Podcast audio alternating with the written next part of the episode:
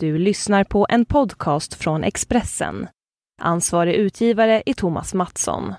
Fler poddar hittar du på expressen.se podcast och på iTunes. Hej! Hej! Hur är läget? Jo, det är bra. Det är bra. Hur mår du? Jo, det är bra.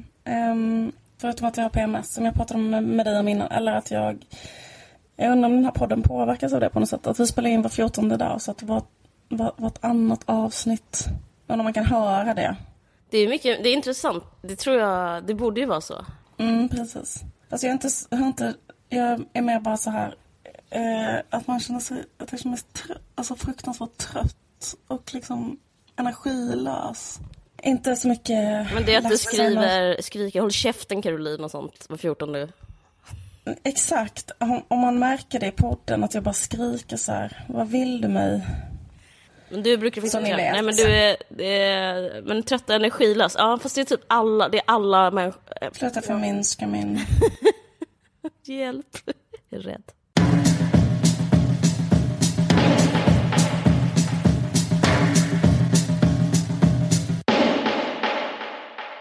Men hur är det med dig? Det är bra. Jag bara... eh, Det är högt och lågt. Den korta versionen av mi- mitt mående är att det är bra. Den långa versionen är att jag ligger och tänker så här, var någonstans ska man flytta eh, där det inte finns internet?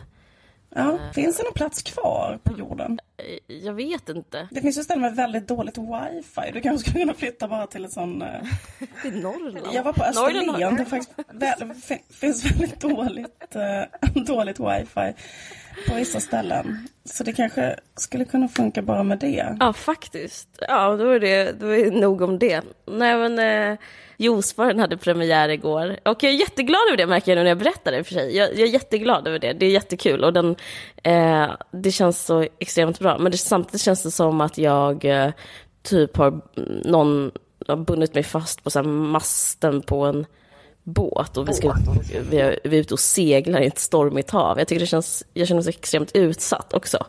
Eh, jag tycker det är, och, och jag vill, eh, jag vill bara fly, för jag vill inte att någon ska säga någonting om något. Eh, fast låter, jag, jag är också rädd att jag inte gör reklam för min... Jag måste säga, den har fått jättebra recensioner, så det är inte det. det, det men det är bara att om inte alla säger att de älskar den så mår jag jätte, jättedåligt. Det är typ mer så. Eh, så jag har liksom tänkt på hur jag ska fly Sverige och fly landet och ja, hamna någonstans utanför. Ja, Eh, Känner du igen det här som ändå en person som släpper saker som du ska liksom behöva stå för och folk ska bara Jaha, så här tycker jag, så här tycker jag, så här tycker jag, så här tycker jag. ja visst, absolut. Ja, Det är så jag jättemycket. Det är en väldigt speciell situation. Alltså, ja. men jag kan också märka så här liksom i mitt privatliv att jag har jättesvårt för att ta kritik. Alltså, jag... Förstår du vad jag menar? Alltså om jag ska vara ärlig.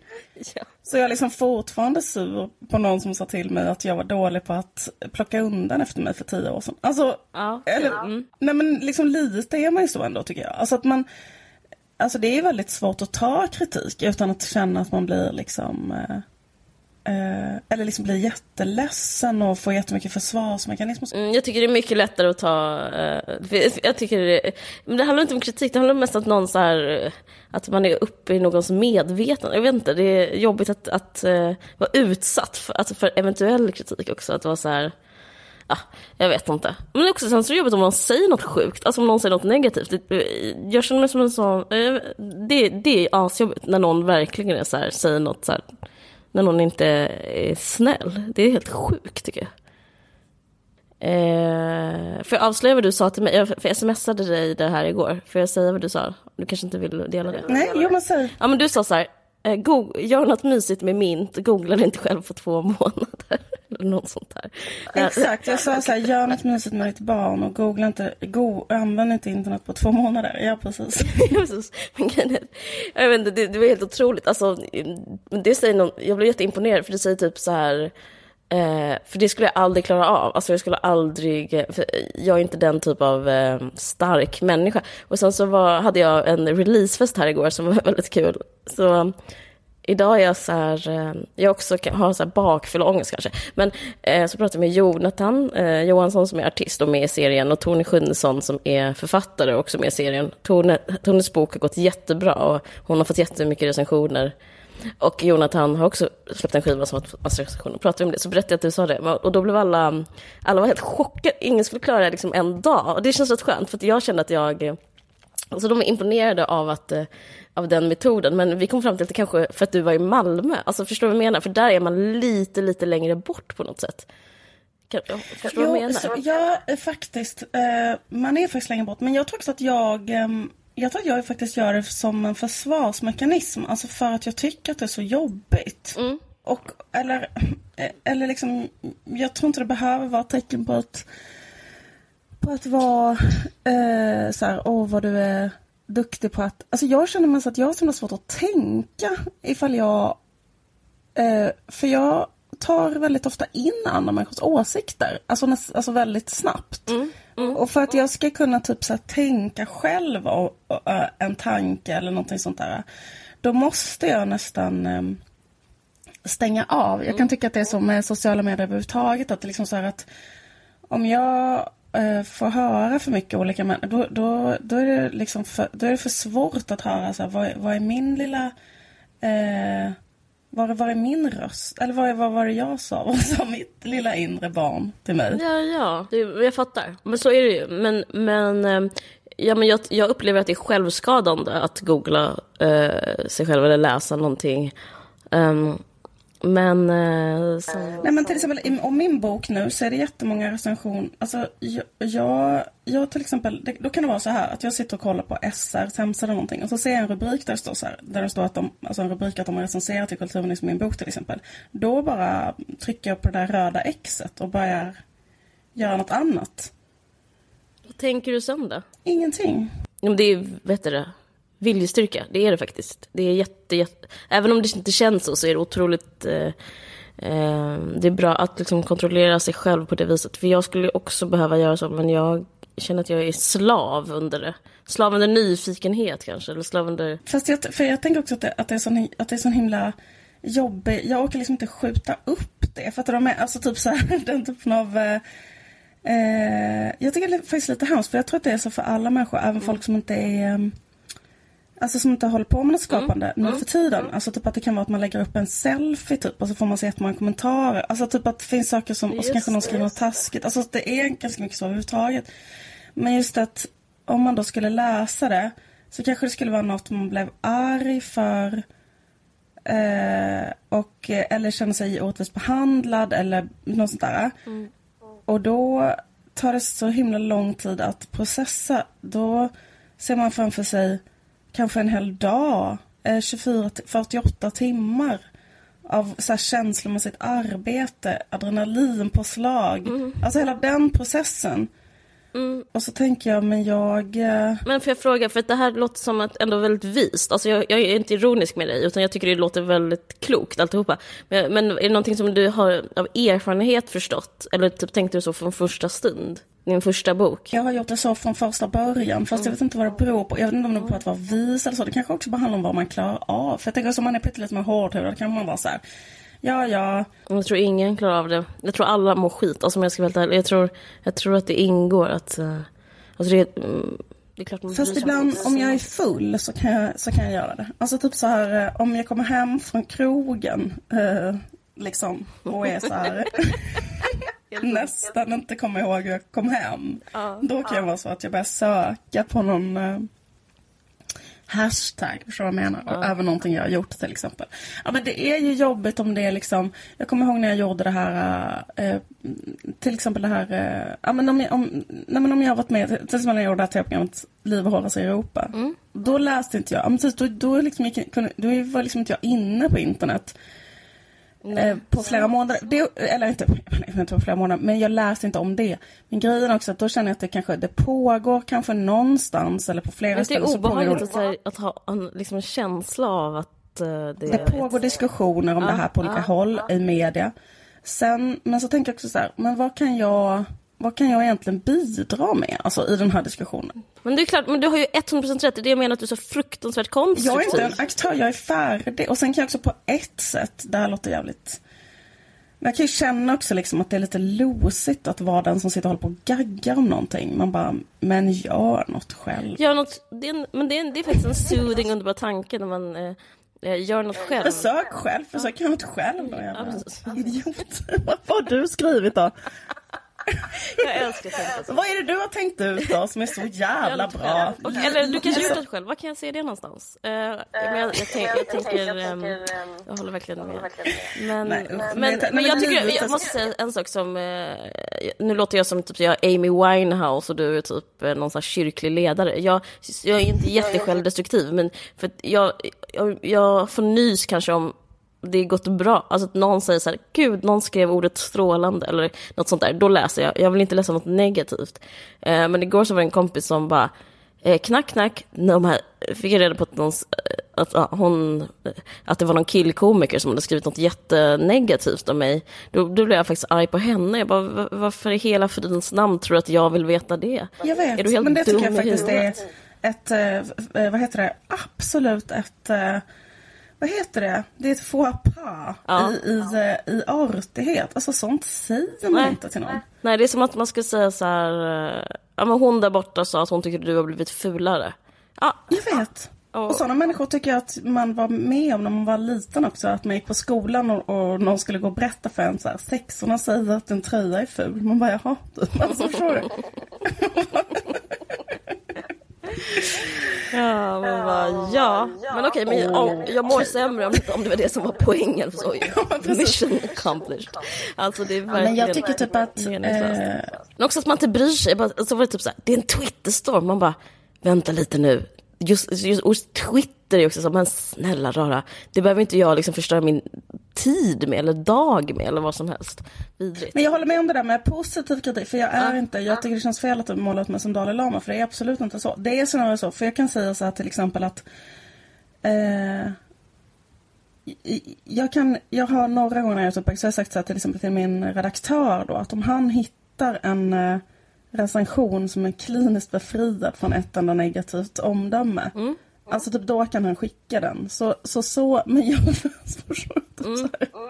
Men liksom, för då kan jag läsa den. Men då måste någon annan ha läst den först och ha sett att det inte stod något negativt. Mm. Men, alltså... men alla normala skickar ju ofta när alltså jag har fått, de jag läst har jag fått skickade till mig. Och då, då har det varit någon som har liksom um, eh, checkat innan och alla normala artiga människor skickar ju någonting som de tänker så här, det här kommer de bli glad för. Så att om man får något skickat så brukar det oftast vara liksom kontrollerat. Så det...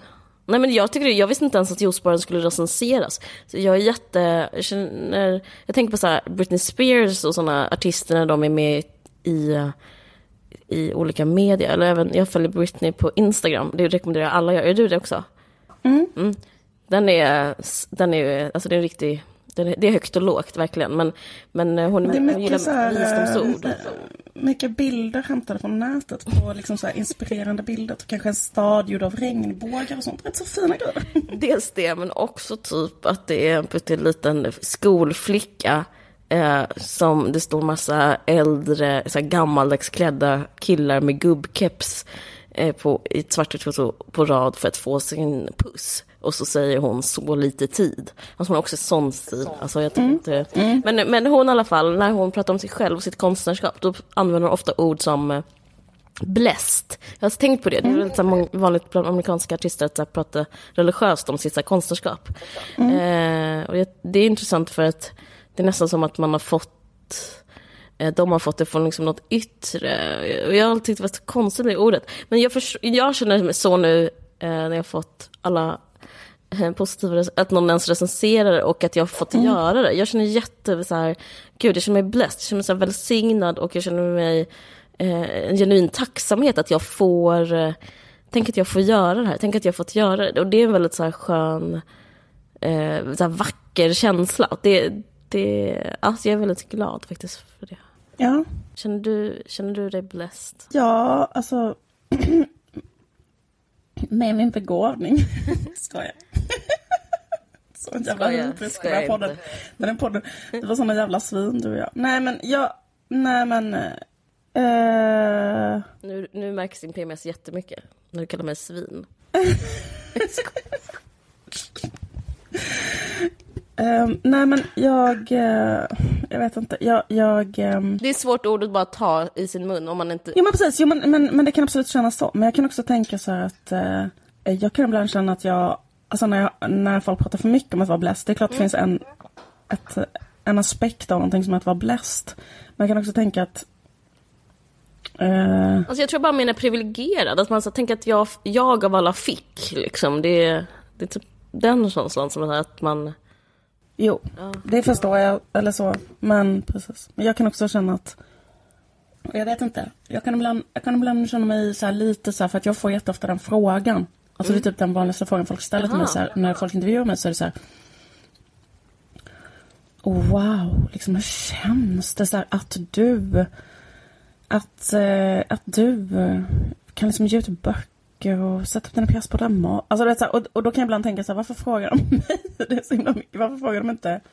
Alltså förstår du vad jag menar? Typ så här, någon annan det. Alltså typ att det är mycket så här äh, att jag... um, för jag känner mig så här... Äh, eller vad menar ni? Alltså det är klart, eller typ att så här, jag en människa som, eller förstår du vad jag menar? Jag jobbar jättehårt och jag utför ett arbete. Men det är inte som att då jag så här, är en det, då människa någon har plockat ut från gatan liksom. Det är typ så. Som bara så här, det, det känns som att man är det där, vad heter det, hon som fick lära sig prata av den där engelska guvernanten i den här musikalen. Eliza och Dr. Dolittle. Liza och Dr. Dolittle kom så här, du satt där på Möllan och gjorde ett fanzin och klipp till. Vem kunde tro? Vem kunde tro att du kunde ge ut en bok? Men vad jag skulle säga faktiskt om... ehm, Märkte du inte att jag gjorde en kan- musikal av, om ditt liv? Just det, vi skulle göra en musikal eh, som skulle börja med att Hon satt på Möllan, satt på Möllan. Hon satt på Möllan och gjorde ett fast... Eh, ja, nej men jag känner mig lite um, sur kanske för att jag har PMS. Så att, eh, det kanske är det. Okej. Skyller på mina hormoner. Hybris och sur. Nej men det är liksom, det är faktiskt rätt så intressant. För att det liknar ju inte någon annan situation särskilt mycket. Mm. Och... ehm, men sen så... Jag vet inte. Kände du likadant när din bok kom ut? Jo, men då kände jag, då kände jag så här. Jag skriver bäst i Sverige. Punkt. Hej, hej då. Eh, liksom, den här boken är bäst. Nästa bok jag kommer skriva, då kommer den vara bäst i Sverige. Jag bara, liksom, jag bara lutade mig tillbaka på um, min egen genialitet. Alltså så, så där kände jag jätte, jätte, jättemycket. Men vad var frågan? Du kanske inte ens frågade. Förlåt. Jag frågar bara vad eh, du åt till frukost. Ja.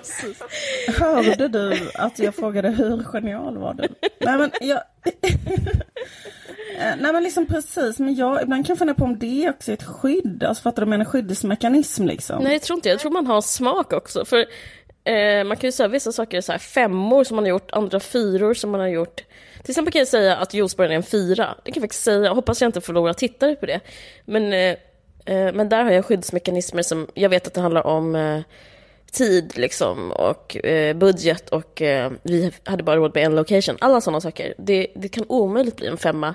Jag ser att det är en fyra, men naturen är en femma. Och om jag får mer pengar nästa gång till nästa serie kommer det att bli en femma. Alltså, jag tycker man kan liksom se, så kan jag, så kanske jag skriver, typ förra podden kanske var en fyra. För, förra podden tvåa. Man, förstår, man, måste, man kan ju ändå se om man är dålig ibland, eller? Eller känner du alltid, alltid femmor? Nej absolut inte. Jag känner igen mig precis i vad du säger. Att jag tycker liksom att vissa saker. Men, ehm, men det är inte helt pålitligt. För det kan vara att man har um, är liksom har allmän ångest och därför typ till exempel tycker att någonting är dåligt som inte är så himla dåligt egentligen. Och sådär. Alltså så kan det vara. Så, så känner jag ju väldigt mycket. Jag ska sluta älta det men så känner jag ju väldigt mycket innan jag ska ge ut någonting liksom. Då känner du att det är Eh. dåligt eller att det är... Ja, att det är jätte, jättedåligt. Att det är liksom helt fruktansvärt. Att det är liksom så... Det är liksom att jag liksom skäms så mycket för det så att jag inte kan alltså, visa det ens för... Folk frågar så här, liksom, har du någon du bollar med som du visar innan du ger ut en bok? Och då är jag såhär, nej det har jag inte för att jag skäms så mycket för det så jag kan inte ens visa det för någon. Alltså, Jag vilket vet, är paradoxalt för sen ska det ges ut. Men typ att eh, jag tycker det är så otroligt pinsamt. Eller liksom som min senaste bok. Jag liksom tyckte den var så dålig. Jag bara, jag bara stirrar på den och ser Alltså typ så att till exempel, jag kommer ihåg jag gjorde, nu vet inte om någon har läst min bok, men jag läste min, min första, den, den första serien, hade gjort klart den, som första kapitlet i min bok. Jag bara kollade på den och bara, det här är liksom som att ett gäng så här utvecklingsstörda vänsterpartister har suttit på sånt gruppboende och fått så här sax och klister och suttit och klippt haft en sån, eh, vad heter det, terapi eller sån övning. Så Mm. arbets... och så bara eh, stirra, arbetsträning. Så står jag och stirrar på det bara. "Va- Varför har jag, varför har jag gjort det här? Alltså varför har jag typ... Ehm, eller typ att man kan bli så jävla förbittrad av att så här, Varför, varför är jag så um, jävla då, Varför är jag så jävla medelmåttig? Liksom att man blir helt galen på det. Mm, den känslan är så fruktansvärd tycker jag. Alltså det är som att man eh, det är som att man så här bajsat på sig och går ut på stan naken. Så känns, alltså, det, är liksom, det är så vidrig den känslan. Eh, så att jag tror att det, det, den är kopplad till det här med jag pratade om i början, om det här med restriktioner. Att därför kräver jag, näst, eller liksom, därför måste jag jag vill bara snälla, säg bara något snällt, säg något snällt. Och så liksom, jag, jag liksom cravar eh, snällhet. Eh, eh, och det är liksom en slags eh, förhållande, den känslan av att jag är så jävla äcklig och eh, eh, borde skjutas. Eh, och det enda som kan upphäva det, det är att någon säger så här, ehm, det var en bra dialog. Då, då bara, okej, nu känner jag mig lite mer så här påklädd eller lite mer anständig på något sätt. Då tycker jag nästan det kan kännas lugnt. Alltså bara en annan person har sagt en grej. Det tycker jag brukar räcka. För Precis. då blir det så här. Okej men Det sjuka är att det går ju på Eh. andra hållet. Om någon säger någon taskig grej så bara, "Ah, nu är jag här igen, jag är en konstig gris som typ inte kan ens ha ett språk typ. Alltså, ja, det är så här. Mm, men det är sant, om någon säger någon grej så blir man så här, det är så mildrande och fint.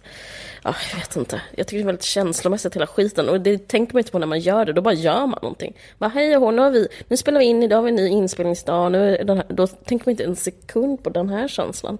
Det känner jag mig nästan som att jag är dum, som en så här dum liten flicka som inte fattade vad som skulle hända. För det här är rätt så jobbigt. Alltså det är nästan som att, vill man, att det inte är värt det att ha de här jättestarka negativa känslorna. Hur, alltså förstår du vad jag menar? Att man bara... Jag förstår vad du menar. Fast jag tänker bara så här, gud. eh, Det, det är så himla viktigt att blockera ut det. Det är, därför, det är så himla, himla viktigt att du skiter i det. För grejen är att jag tänker på... Det finns ju vissa sådana där människor som till exempel Gun-Britt Sundström. eh, Som skrev Maken, din och min favoritbok. Mm, fan. Big Hon up! skrev- Fan vad bra hon är. Hon skrev ju den när hon var jätteung. Tror typ under 25. Skrev en sån Generationsroman. Som blev en generationsroman som är fantastisk. Rekommenderar alla att läsa. Maken av Gun-Britt Sundström. Men folk som lyssnar på detta har redan lyssnat på den på den har nog hört oss prata om den boken innan. Men hon gav i alla fall ut den. Och sen efter det så gav ut en annan bok. Och då fick den liksom en dålig recensioner. Eller jag vet inte, kanske bara en dålig recension. Och då bestämde hon sig för att aldrig mer skriva. Gun-Britt, Och sen- för i helvete. Ja men efter det Caroline har hon aldrig skrivit. Det är därför hon aldrig har skrivit någonting efter. Jag älskar henne. Ja, Men hon tyckte liksom att det var för jobbigt. Ehm, men då tänker jag bara så här, men vad fan. Man säga tydligt, maken, det är vårt tips till er lyssnare. Den är så fruktansvärt bra. Ja. Alltså, jag kan ju ha missuppfattat det. Att det Nej, det stämmer. Hon annat. skrev, jag, jag vet exakt, jag, jag minns Men här. Jag liksom minns så här, den här historien har hon i alla fall Hon berättat. skrev Sen kan det vara Hon skrev, fan, hon skrev, hette den så den boken hon skrev? Nej, den hette Gertrud. Lydia, för Lydia. för Lydia, den är också jättebra. Men grejen är att jag, jag, det kan också vara att hon, att hon säger att, eh, att det var därför hon inte skrev mer. Men det kan ju också bero på något annat. Hon på med Alltså så. översättning. Skitmycket vet jag. Alltså, Jag vet, men, men, men liksom vad den är så tänker jag liksom att liksom för att om man tittar på också på långa, långa författarskap och sånt där. För det tänker jag på ibland. Liksom att uh, jag går ut med min sjätte bok nu så tänker jag så här, det gör ingenting ifall eller för att du menar, för man ser bara det som en jag bara ser det som ett arbete där jag säger någonting eller gör någonting vartannat år eller så. Och då liksom kommer det ibland att vara eh, något som folk tycker om. Som bara, ibland kommer det vara något som gör folk arga. Som ibland, alltså så här, det, Mm. det är inte liksom heller alls det, det som är viktigt liksom. Utan det som är viktigt är att eh, man själv kan fortsätta arbeta. Ja. Rätta mig om jag har fel, men jag tror att om man verkligen känner så himla starkt att man måste skriva så här varje gång man har årsdag, typ så här nu, hela historien hur man träffades och nu är det två år sedan vi träffades här på den här platsen, du såg in i mina ögon, bla bla bla bla bla, klyschorna haglar. Att man verkligen, och hjärt-emojis alla som finns. Då är det liksom, då känner jag så här, men hur bra är ett förhållande egentligen? If you have to parade it around. Vill du höra mer av Singelrådet så kan du göra det jätte, jätte, jätteenkelt via vilken poddplattform som helst.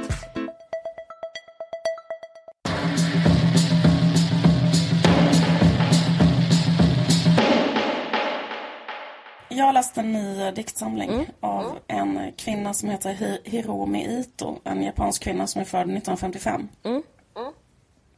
Och jag vet inte om hon har varit utgiven på svenska innan. Men det här är i alla fall en helt ny eh, utgivning.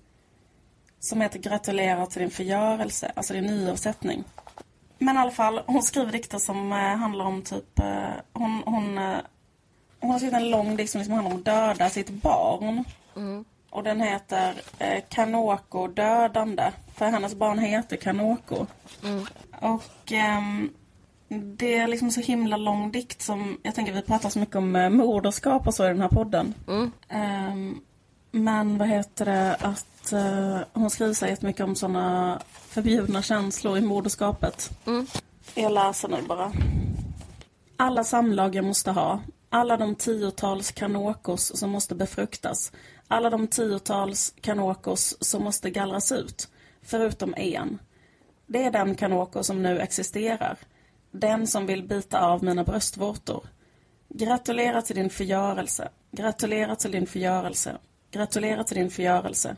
Gratulerar till, till din förgörelse. Roligt styvbarns tillrättavisande. Roligt styvbarns dödande. Det har jag gjort. Gratulerar till din förgörelse. Gratulerar till din förgörelse. Jag kunde röra vid en sparvunge som inte kryllade av myror. Men jag kunde inte röra vid en sparvunge som kryllade av myror. Utan att göra någonting alls flydde jag från platsen. Jag hade förstås ett direkt ansvar för detta. Men på något sätt associerade jag den med Kanoko, som jag hade övergivit, kryllande av myror. Det är inte så att jag är rädd för Kanoko. Ens egna barn är sötare. Rolig barnutplåning. Det har jag gjort. Jag själv är sötare. Gratulerar, gratulerar. Gratulerar till din förgörelse. Gratulerar, gratulerar. Alla firar för min skull. Genichiro-san med en medok. Higuchi-san med rosor. Kohei-san med en kanin. Isheki-san med en teddybjörn. Miyashita-san med en blöjväska. Shiroyasu-san med en hund i papier-maché. Abe-san och Iwaki-san med kontanter. Noshan med en tårta. Kaneko-san med en 8 mm kamera.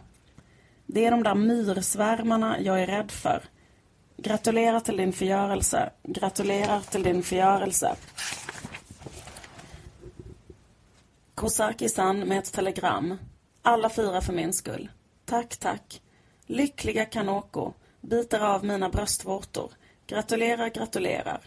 Jag vill göra mig av med Kanoko på ett roligt sätt. Utan melankoli, utan skuldkänslor. Jag vill göra mig av med Kanoko på ett roligt sätt i Tokyo. Gratulerar, gratulerar till din förgörelse. Gratulerar till din abort. Mi- Mihoko-san, gratulerar till att du har gjort dig av med, ta- gjort dig av med Take-chan. Kumiko-san, gratulerar till att du har dödat Tomokun. Gratulerar till din förgörelse, Mari-san. Precis som att göra sig av med Nohono-san, Mayumi-san. Var fostret en pojke eller en flicka? Det börjar bli dags att göra sig av med Kota-kun. Låt oss utplåna dem tillsammans, döttrarna, sönerna, som skallrar tänder i längtan efter att bita av våra bröstvårtor. Mm, bra den var. Mm, eller hur? vad vill du säga om den? Bara att hela den här diktsamlingen är så jävla bra och att det var så här, det var så himla intressant att bara läsa om typ en förlossningsdepression eller en liksom jätte... Eh, eller om en sida av att Den Liksom, typ av känslor. inte palla. Ja. Ja, verkligen. Och det finns liksom massa typ längre texter och så som handlar om olika saker. Jag vet inte, jag bara tyckte det var så jävla fint. För det var, jag vet inte, jag, jag älskar så här den här jag vet inte, det påminner mig lite grann när jag var så här tonåring så läste jag jättemycket dikter av Anne Sexton. Mm. Också läst av henne kanske. Men hon är så amerikansk poet som skriver så himla mycket om typ så här ja, men hon skriver så här, dikter om till exempel eh, att göra abort eller att vara älskarinna till någon och eh, vara så här extremt självdestruktiv och typ hela den där saken liksom att bara skriva så här eh, liksom helt eh, glömda sidor av kvinnlighet fast väldigt eh, det är liksom inte heller det som är bra att de skriver om de brutala sidorna liksom det är för att det är så bra text. Verkligen. Jag tänkte kanske göra samma sak. Alltså, jag tänkte spela upp uh, Frida Hyvönens låt. Mm. Ehm, jag, jag frågade henne som sagt om vi får spela den i sin, eh, i sin helhet. Det är jättebra. Jag ska bara hitta den. Eh, har du lyssnat på den någonting? Eller du lyssnar väl på den? Ja, jag har lyssnat på hennes nya album. Du har det? Ja, jag tänkte spela upp den här fredag morgon så tänkte jag att vi skulle prata om den. Jag spelar den nu. På fredag morgon vaknar jag vid nio och låg kvar ett tag och drog mig innan jag steg upp. Sen åt jag frukost vid mitt skrivbord och det var då jag såg att du hade skickat mig ett e-mail under natten. Jag gick till köket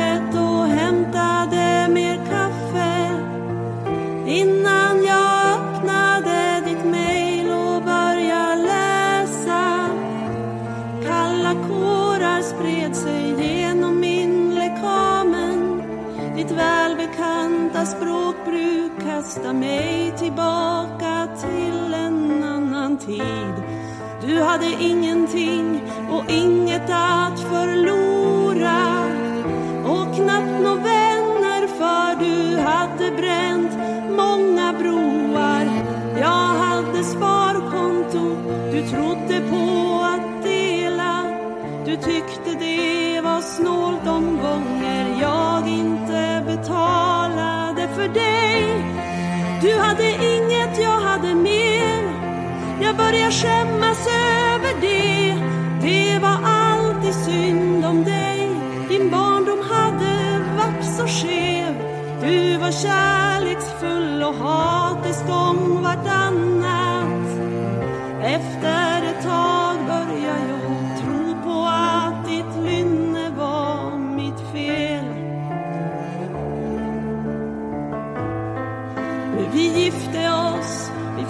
Till Paris.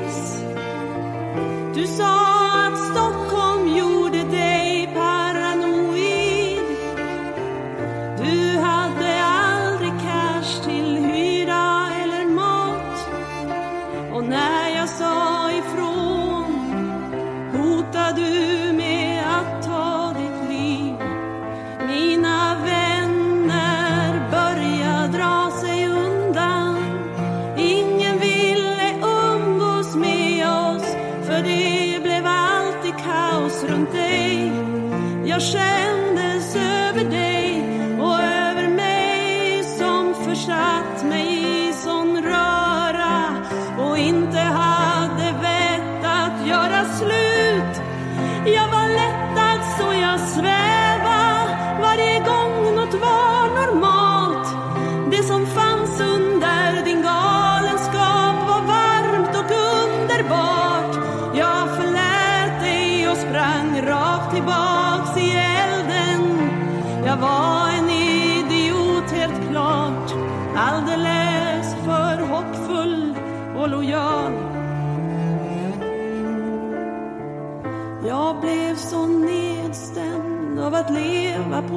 ett minfält.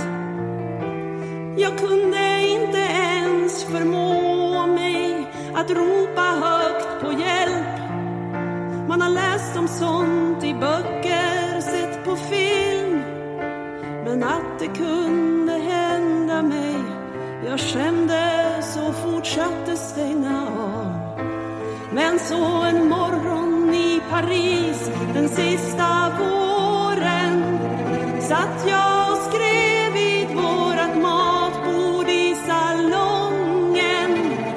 och du kom in och välte kaffekoppen över mig och tog min dag.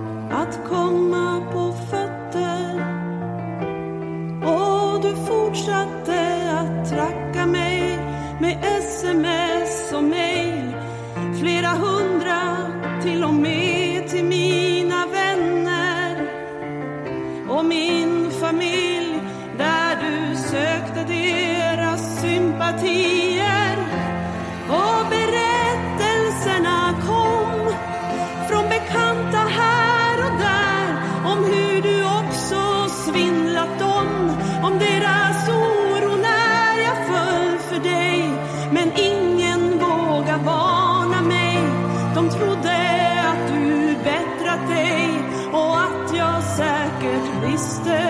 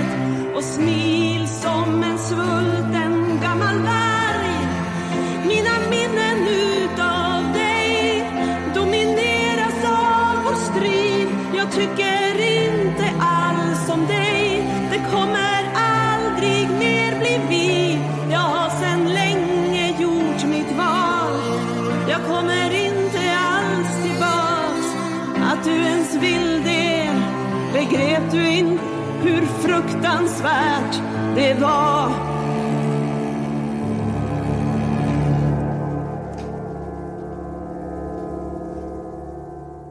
Gud, jag bara sitter och gråter. Alltså, det hände, hela, för det hände första gången jag lyssnade på den och eh, den är så fruktansvärt sorglig. Eller den är, det är så här, en väldigt stark låt. Eh, vad, vi, fick, vi har fått vet du, tillåtelse av Frida Hyvönen att spela upp den här i sin helhet. Eh, det jag frågade henne och det är väldigt snällt att vi får det. Den är väldigt bra. Eh, vad, men jag ville spela den här för dig. Eh, Du har ju också lyssnat på den innan, men jag tycker den här... Jag, aldrig, jag tycker den är så bra. Den handlar om ett misshandelförhållande skulle jag säga. Jag vet inte, jag, jag, jag visste inte vad jag skulle säga, men min mamma är barnvakt just nu. Och hon eh, jobbar som psykiatriker, så frågade jag henne om hon hade haft, haft många eh, patienter som misshandlade. Alltså bara liksom för att jag inte visste vad jag skulle säga. Men eh, för jag, hon har snackat om det innan, att hon har haft det. Eh, för att eh, man ser liksom, det är intressant för man ser typ att vara misshandlad ser man också som en sjukdom nu för tiden. Sanna Lundell och Ann Söderlund pratar mycket om det. Typ, vissa kallar det medberoende, men, ja, men det är samma typ som man är alkoholist. Så är, alltså det, det klassas, man får behandling som, som att det är en sjukdom som man kan bota. Liksom. Eh, ja, men det är jätteintressant. Och så pratade jag lite med henne om det. Och så, så, så frågade jag varför man stannade i en sån relation. Eh, för jag vill bara ha liksom en eh, så här, läkares svar på det. Eh, men då sa hon att det är att man identifierar sig med aggressorn. Eh, att, eh, och det betyder liksom att om någon säger så här, du är dålig, så, så, så, så tycker man, alltså man, för man har så jävla dålig självkänsla. Jag tror det är därför jag grät. Inte, faktiskt inte för att jag kände igen mig själv, men det är bara så, det är så jävla sorgligt att någon är så här, du är dålig, man bara, jag är dålig, jag är dålig, jag är dålig. Eh, och sen så, ja, så skrev jag till Frida och eh, frågade om vi fick spela här. Så sa hon att eh, det finns liksom ingen låt som... Eh, hon har fått så, otro, alltså det är så otroligt mycket människor som har hört av sig till henne. Alltså för hon var så här, för den handlar inte om henne heller. Hon ville göra, eh, jag citerar, eh, inte direkt, eh, utan bara för hon bad mig inte citera eh, chatten, men, men ungefär sa hon att hon ville ge röst åt den här typ av eh, misshandlad kvinna. Hon vill liksom vara, hon vill liksom göra en slags, så att det kommer upp i en slags eh, populärkultur eller vad man ska säga. Och det tycker jag är rätt så intressant, för det är inte, jag, jag har inte hört så många och det, alltså det behövs liksom. Och, eh, men hon hade liksom aldrig anat att det skulle bli sån eh, otrolig eh, respons. Och sen så finns det eh, en annan sak att de började de har tre olika så här, kvinnor som jobbar inom kvinnojourer har börjat använda sig av det här i sitt arbete. Hon beskriver liksom exakt eh, nästan som en pedagogisk bok, eller nästan som att gå på universitetet och lyssna på den här. Att så här, först blir man kär, och sen så identifierar man sig, och sen så får man negativ bindning, och sen så... Alltså den är väldigt... Eh, den, det är typ en gärning, den här låten. Den är så, ja, jag, jag vill bara hylla den. Liksom. Jag tycker den är så otroligt bra. Ja, verkligen. Jag tänkte på, eh, det fanns ju någon, eller det där med, eh, vad heter det, att göra en låt som berör jättemånga som handlar om mm. kvinnomisshandel. Eh, det är en helt annan genre men det var ju en tjej, som, lite singer-songwriter-tjej som heter Sara Varga som gjorde en mm. låt om kvinnomisshandel i Melodifestivalen för typ så här tre, fyra år sedan. Som också blev så här, eh, så här, eh, sån här typ mega, liksom, eller typ att alla älskade den så här grotesk, eller liksom jättemycket.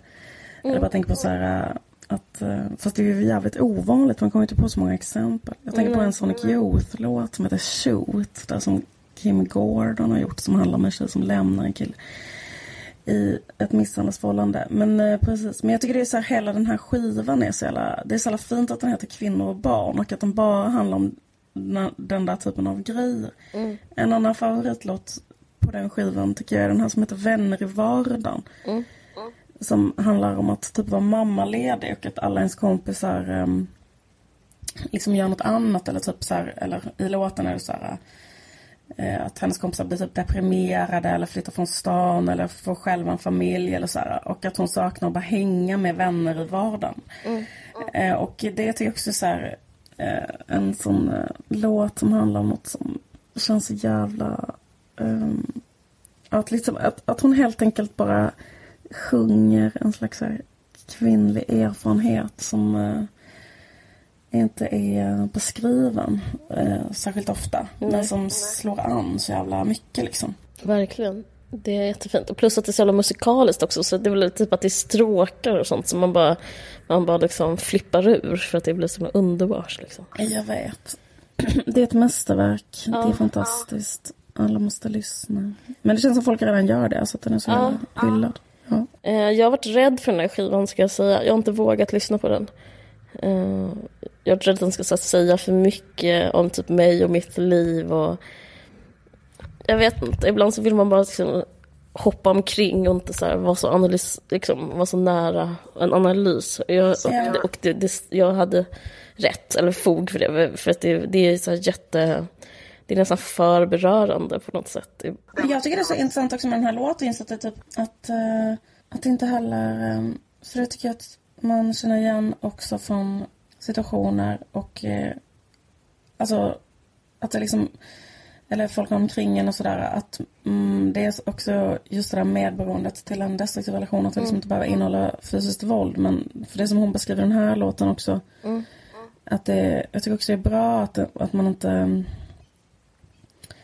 behöver dra det till det heller. Att det ens handlar om fysiskt våld. Utan att det bara handlar om en eh, eh, psykisk, eller bara. Alltså det är ju en psykisk misshandelsrelation. Men att just att bli så här. ehm, Eh, det som hon sjunger om, så här, att gå på ett minfält och eh, helt anpassa sig till en annan människas totala linnighet.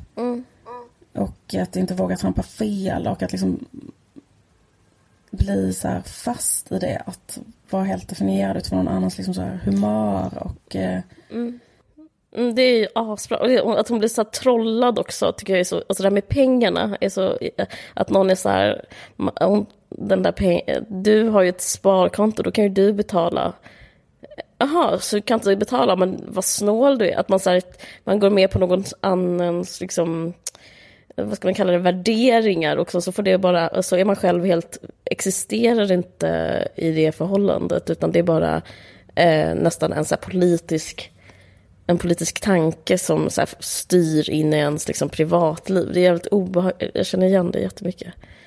Men ehm, ja, om man är intresserad av det här med just det, alltså, mekanismer som gör att man stannar i misshandelsförhållanden så kan jag rekommendera verkligen jättebra bok som handlar om det som heter Varför går hon? Som är skriven av Karin Holmberg och Viveka Enander. Som är väldigt så här, utförlig beskrivning. De har gjort en jättelång studie av det där som du beskriver, där med att eh, ta över förövarens blick på sig själv och sådär. Men eh, så om man har det, om man är i den situationen till exempel, så kan man läsa den boken. Mm. Mm. Så jag får ett boktips. Eller ändå, bara för det är intressant att fatta hur det funkar. Den är jättebra. Jag minns, du tipp, ja, den, den eh, läste du för jättelänge sedan, så läste jag den. den. Just det, precis. Jag har ju gjort en serie också som är lite baserad på den som heter Jag tänker på Whitney som också handlar om det här med misshandels... Alltså, vad heter? Kvarhållande mekanismer i miss- misshandelsförhållanden. Den är så Men fan, vad intressant jag det. Jag gråter visste- när jag tänker på den också. Uh. ja, förlåt. Kanske, jag kanske bara är bakfull. Kalla, är låten bra eller är jag bakfull? Det är det som är frågan. Tack för att ni lyssnade och tack för att ni lyssnade förra gången. Jag måste bara säga att eh, det, var, det var otroligt mycket reaktioner på det där med, eh, vi pratade om eh, na, problemet utan namn. Och det var, och jag ska bara säga att, eh, två grejer om det, att det är även killar som har hört av sig och säger att de känner igen sig också.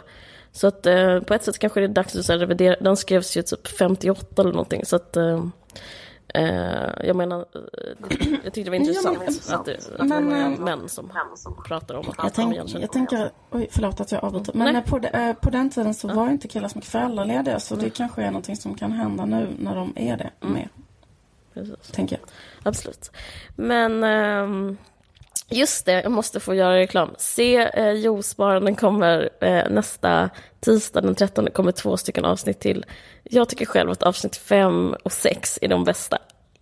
Gud vad underbart. Ja, Se fram emot det. roliga. Kollade på de tre första och typ dog av skratt. Det var svinkul. Tack. Och vad kul att de eh, släpper många åt gången. För jag tänkte det, fan ska det vara så att man måste vänta en vecka på varje avsnitt? De släpper tre och sen släpper de två eh, varje gång. Ja, det blir kul. Okej, perfekt. Okej. Kul. Okej. Men eh, hej då allihopa. Hej då.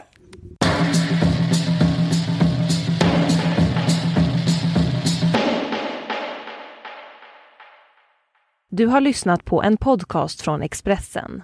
Ansvarig utgivare är Thomas Mattsson. Fler poddar hittar du på expressen.se podcast och på iTunes.